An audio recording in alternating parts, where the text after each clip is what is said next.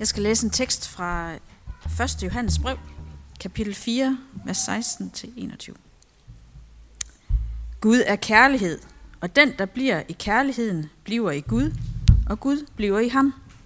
Deri er kærligheden fuldendt i os, at vi har frimodighed på dommens dag, for som han er, er også vi i denne verden. Frygt findes ikke i kærligheden, men den fuldendte kærlighed fordriver frygten. For frygt er forbundet med straf, og den, der nærer frygt, er ikke fuldendt i kærligheden. Vi elsker, fordi han elskede os først.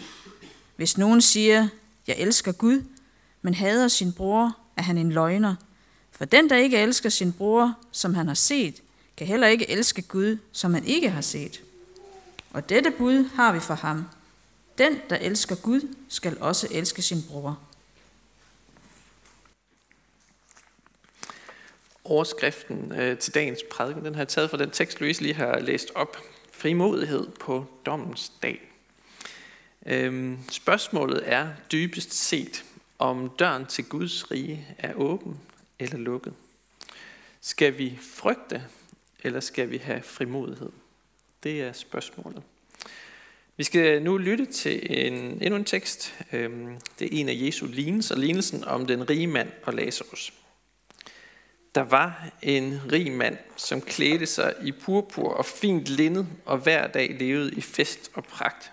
Men en fattig mand ved navn Lazarus lå ved hans port fuld af sår, og ønskede kun at spise sig midt i det, der faldt fra den rige spor. Og hundene kom til med og slikkede hans sår.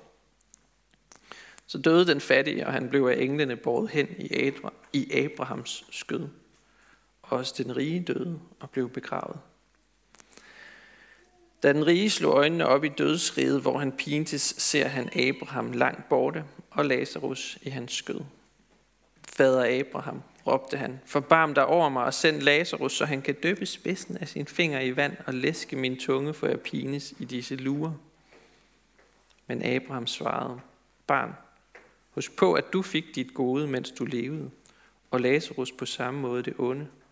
Nu trøstes han her, mens du pines. Desuden er der lagt en dyb kløft mellem os og jer, for at de, som vil herfra over til jer, ikke skal kunne det, og de heller ikke skal komme over til os deroverfra. Der sagde han, så beder jeg dig, fader, at du vil sende ham til min fars hus, hvor jeg har fem brødre, for at han kan advare dem, så ikke også, så ikke også de kommer til dette pinested. Men Abraham svarede, de har Moses og profeterne. Dem kan de høre. Nej, fader Abraham, sagde han, men kommer der en til dem fra de døde, så vil de omvende sig. Abraham svarede, hvis de ikke hører Moses og profeterne, vil de heller ikke lade sig overbevise, selvom de står op. Selvom en står op fra de døde. Det er Guds ord til os i dag. Lad os øh, kort bede sammen. Kære himmelske far, jeg beder dig om, at du må åbne dit øh, budskab til os i dag i den her alvorlige tekst. Vil du forberede os? Vil du bryde de barriere, vi kan have imod dit ord ned? Lad os øh, lade paraderne falde, så vi kan tage imod. Amen. Vi møder i dag her en, øh, en offensiv tekst i Bibelen. En tekst, som jeg tror, nogen øh, vil kunne sige, den, den holder jeg lige ud i strakt arm. Den forholder jeg mig ikke rigtigt til. Den, den, den må jeg lige vente med. Øhm, og jeg vil gerne sådan til at indlede sige, prøv, prøv lige at lægge din, øh, dine forudindstillinger lidt til side. Og så prøv at lytte til, hvad Gud han øh, gerne vil sige til dig i dag. Prøv at lade paraderne falde. Vi møder Lazarus, der ligger ved den rige mands lukkede port. Og øh, jeg vil gerne begynde øh, med at fortælle to eksempler på det at møde en lukket dør i sit liv. Som barn, så så jeg meget op til min storebror. Øhm, altså det gør jeg sådan set stadig, men nu på sådan en lidt anden måde. Øhm, dengang, der var hans værelse bare det fedeste sted at være i hele verden. Han havde nemlig en Atari og en Commodore 64. Øhm, og øh, det, er, det var datidens svar på øh, sådan Playstation. Øhm, men man skal nok have været barn i 90'erne for sådan helt at forstå, hvor fedt det var. Øhm, men når min storebror han havde sine venner på besøg, så øh, gik de ligesom ind på værelset, og så, øh, så spillede de, og så måtte jeg ligesom gå udenfor, og så lukkede de døren. Og jeg havde det. Så kunne jeg sidde derude på gangen i mørket, sidde og kigge på døren, og vente på, hvornår de nu blev færdige med, at jeg kunne komme med ind. Jeg kan tydeligt huske, at jeg siddet der og kigget på døren og ventet på, at den åbnede. Jeg kunne høre dem grine og have det sjovt derinde, og jeg sad bare herude og følte mig frustreret og ensom. Det var det ene eksempel. Det andet eksempel på den lukkede dør, som vi kan møde i livet, den støtter jeg på i nyhederne i den sidste uge. Danmark har lukket døren for en flok mennesker. For nogle afviste asylansøgere på Kærs Hovedgård. De skal tilbage til deres hjemlande. Men for dem er hjemlandet også en lukket dør. De sidder så at sige sådan midt imellem, ude på gangen i mørket, og venter på, hvad der skal ske. Der er ikke rigtig nogen, der vil kendes ved dem. Der er ikke rigtig nogen, der vil have dem. De er uvelkomne. De er uønskede. De sidder tilbage med en følelse af håbløshed, forestiller jeg mig. En følelse af isolation. Måske også frustration og ensomhed. Det er nærliggende at komme til at tænke på disse mennesker, når man hører Jesu lignelse i dag. Den handler om en mand, som ingen vil have noget med at gøre. Han øh, var isoleret og ensom. Han var sulten efter mad, fanget i en håbløs situation, og han var lukket uden for døren. Uden for den rige mands port. Og den eneste, der tog sig af den her mand, står der, eller tog sig af, det var gadens uhumske hunde. Der er en verden til forskel på at være indenfor i varmen, hvor der er fest, rigdom, luksus. Det lyder nærmest himmelsk, sådan som den rige mand havde det. Og så på det at være udenfor i kulden, hvor der er fattigdom, sult, ensomhed, frustration. Det lyder nærmest som et helvede, der hvor Lazarus var. Men så sker der jo det i den her fastlåste virkelighed, som vi jo også nogle gange kan opleve, at der er de rige, og så er der de fattige. Der er dem, der, hvor alt bliver givet, og så er der dem, der ingenting får. Men det bliver vendt på hovedet her. Jesus vender det i lignelsen om, da de to hovedpersoner de dør. Den rige mand, han bliver begravet. Det står der ikke om Lazarus. Måske blev han bare skaffet af vejen. Men i døden tager englene sig af ham. Øhm, og på den måde signalerer teksten, at, at Lazarus han bliver ført tilbage til ære. Der bliver, han bliver bragt ære man lægger ham i Abrahams skød. Hvorimod den rige mand, han vågner op i dødsriget. Så porten, der adskilte de her to mænd i livet, den bliver altså øh, den bliver lavet om til en nu uoverstigelig kløft. Porten i livet kunne åbnes, men kløften i døden, den kan ikke krydses. Lignelsen forkynder os flere ting. Og en af dem er, at de sidste skal blive de første, og de første skal blive de sidste. Og det er et tema, der går igen i flere af Jesu lignelser. Den, som ingen vil have på holdet. Den, som ingen vil lege med. Den, som øh, holdes udenfor. Den, som ingen vil have i nærheden af sig. Han eller hun tager Jesus imod Tænk på tollerne. Tænk på skøerne. Tænk på børnene. Tænk på de spedalske. De var alle sammen upopulære i samfundet. Men Jesus tog sig af dem. Han lod dem komme helt tæt på. Han åbnede døren for dem. Han holdt dem ikke ud i strakt armen. Han, han rørte ved dem. Jesus tog ikke imod dem, fordi de havde gjort sig særligt fortjent til det. Øh, der står faktisk ikke noget om, at Lazarus han gør noget, eller tænker noget, eller siger noget. Han er helt passiv. Han, der står ikke noget om, hvad, hvad Lazarus gjorde. Jesus han gjorde det, fordi han er den, han er. Som Louise lige har læst. Gud er kærlighed. Og kærlighed ser ikke på det ydre. Kærlighed ser indeni. Og kærligheden baserer sig ikke på at gøre sig fortjent, men elsker uanset hvad. Deri består kærligheden, som står der i, i 1. Johannes brev. Ikke i, at vi har elsket Gud, men i, at han har elsket os og sendt sin søn som et sonoffer for vores synder. Den rige mand, han var, øh, han var kongen i sit eget liv. Øh, det var ham selv, det handlede om. Og øh, et udtryk for det, det er hans ubarmhjertighed imod Lazarus. Han opdager ham slet ikke. Lazarus, på den anden side, han stolede på, at Gud han kunne gribe ind. Og hvordan ved jeg det? Fordi det står der jo ikke direkte i teksten. Nej, det gør der ikke. Men Lazarus er den eneste person i Jesus cirka 46 lignelser, der har fået et navn. Så jeg vil næsten lægge hovedet på blokken og sige, det har en betydning, at Lazarus han hedder noget i den her lignelse.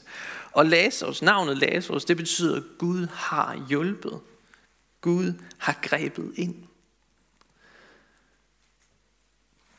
Så Lazarus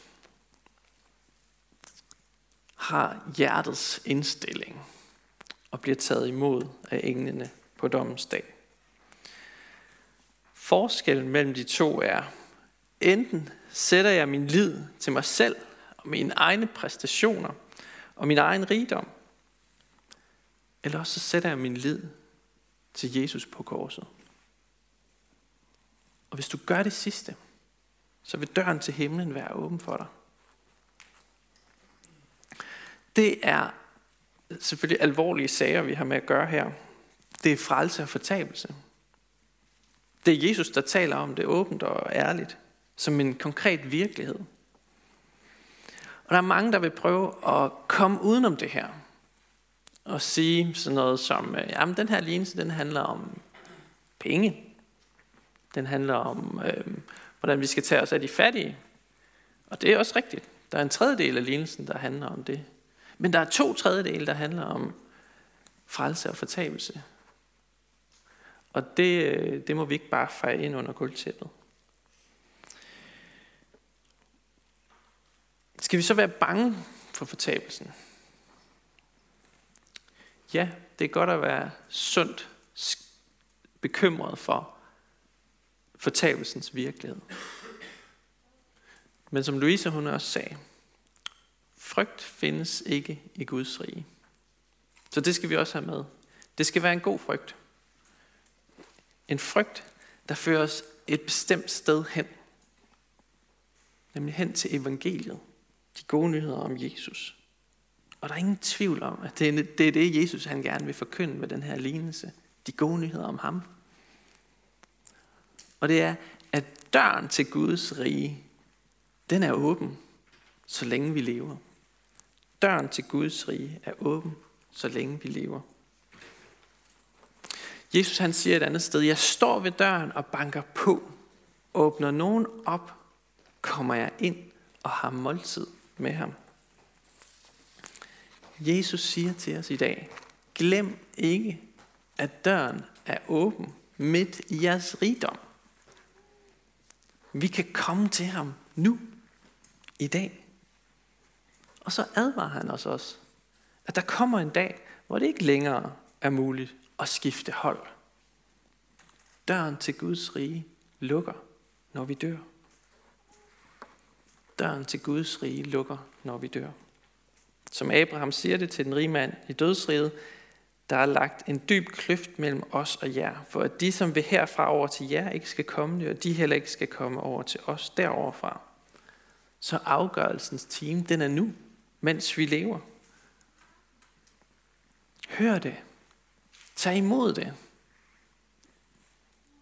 Lad være med at glemme det. Vi får ikke en ekstra chance efter døden. Og netop derfor kommer øh, den her rige mand også i tanke om sine brødre i den her lignelse. Og han beder Abraham sende Lazarus tilbage til livet for at advare dem. For hvis Lazarus står op for de døde, så vil de helt sikkert lade sig overbevise og omvende sig. Men øh, Jesus han kender jo godt øh, til, hvad der skal ske. Og øh, han ved godt, at selv en opstandelse fra de døde ikke vil overbevise alle. I stedet for, så siger han gennem Abraham, at brødrene har noget endnu bedre. De har Moses og profeterne, det vil sige øh, de bibelske skrifter. I dem, der kan vi finde alt det, vi har brug for, for at nå til omvendelse, siger han. Det er et fantastisk syn på Bibelen. Bibelen er tydelig, og den er tilstrækkelig, siger Jesus. Det er bare ikke altid det indtryk, man får, når man hører folk tale om Bibelen. Der er mange, der siger, at den er uklar, selvmodsigende, eller den er mangelfuld, eller fuld af fejl. Men Jesus han siger faktisk det modsatte. Nej, den er klar, den er tydelig. Hvis du har Bibelens ord foran dig, så har du noget, der er bedre end en dødeopvækkelse, end en, en store mirakler og tegn i Bibelen. Der kan du finde klarhed om, hvad Gud ønsker for dig. Du kan læse om Guds frelsende gerning på korset. Du kan finde trøst, håb, frimodighed i livet som kristen. Bibelen er tilstrækkelig. Bibelen er klar i sit budskab, siger Jesus. Og det er faktisk derfor, at vi kan have frimodighed på dommens dag. For det står der i Bibelen. Ordet frimodighed, det er et entydigt positivt ord. Det betyder sådan en nærmest øh, frejdig glæde. En afslappet forventning til dommens dag. Lyder det ikke lidt mærkeligt? Hvordan kan man møde noget så dramatisk med ro i sindet? Men det kan du heller ikke, hvis du prøver på det selv. Det kan vi virkelig ikke i egen kraft. Fordi så vil frygten sejre. Du kan kun møde dommens dag med frimodighed. Fordi Jesus han gør det i dig. Fordi Helligånden arbejder i dig. Og overbeviser dig om, at Jesus allerede har påtaget sig rollen som den tiltalte på vores vegne. Derfor lyder frifindelsen over enhver, som tager imod Jesus. Du er fri. Dig, der tager imod Jesus, du er fri. Jesus siger et sted, den der hører mit ord og tror ham, som har sendt mig, tror på Gud, har evigt liv og kommer ikke for dommen, men er gået over fra døden til livet. Altså er på den anden side af dommen allerede. Det er altså en virkelighed, der allerede er indtrådt. Helt fri fra døden. Helt fri fra dommen, som vi synger i en sang. De gode nyheder til os i dag er, at døren til himlen er åben. Og det er den nu. Og vi kan åbne den op og invitere Jesus ind i vores liv. Og det gælder for enhver, som er ensom, sulten efter sandheden, som er uden for porten, uden håb.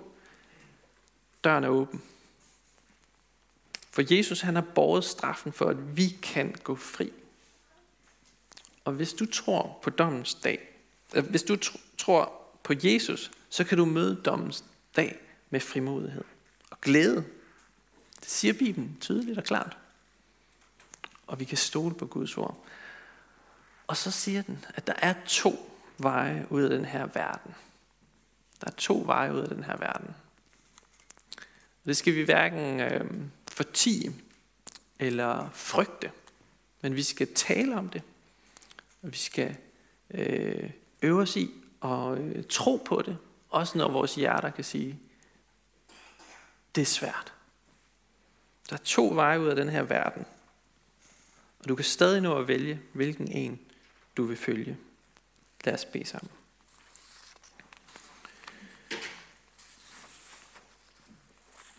Jesus, vi takker dig for håbet, du bringer. Tak for din frelse og din frihed, som du bringer. Giv os tillid til dit ord, så vi stoler på, at vi er frikendt i troen på dig. At vi er i din retfærdighed. Overbevis os og et hvert menneske om, at der er noget at finde i dag. Og at det får evige konsekvenser, om vi vælger dig til eller fra. Vi takker dig for menigheden, og vi beder dig styrke os i indbyrdes kærlighed og udruste os med nådegaver til fælles gavn og opbyggelse. Og lær os at række ud over egne behov. Vi beder dig for menighedens børn, både de fødte og de ufødte. Beskyt du dem og lad dem få lov til at vokse op i troen på dig. Vi beder dig for menighedens unge, for deres liv og vækst i troen. Vi beder dig for ægteskabet og også dem, der lever alene. Giv os alle din kraft til at leve efter din vilje. Vi beder dig for skærn, by og omegn, at du, Jesus, må blive kendt, troet, elsket og efterfulgt. Vi beder dig for Niels Jørgen Fogh, menighedens vejleder, at du må styrke ham i hans arbejde og holde os alle fast på Bibelens grund. Beder dig om, at du vil være nær hos alle, der er ramt af sorg, sygdom og lidelse. Giv os mod til at være til stede og visdom til at lindre smerten hos hinanden. Hør os, når vi i stillhed hver især beder for en, vi kender.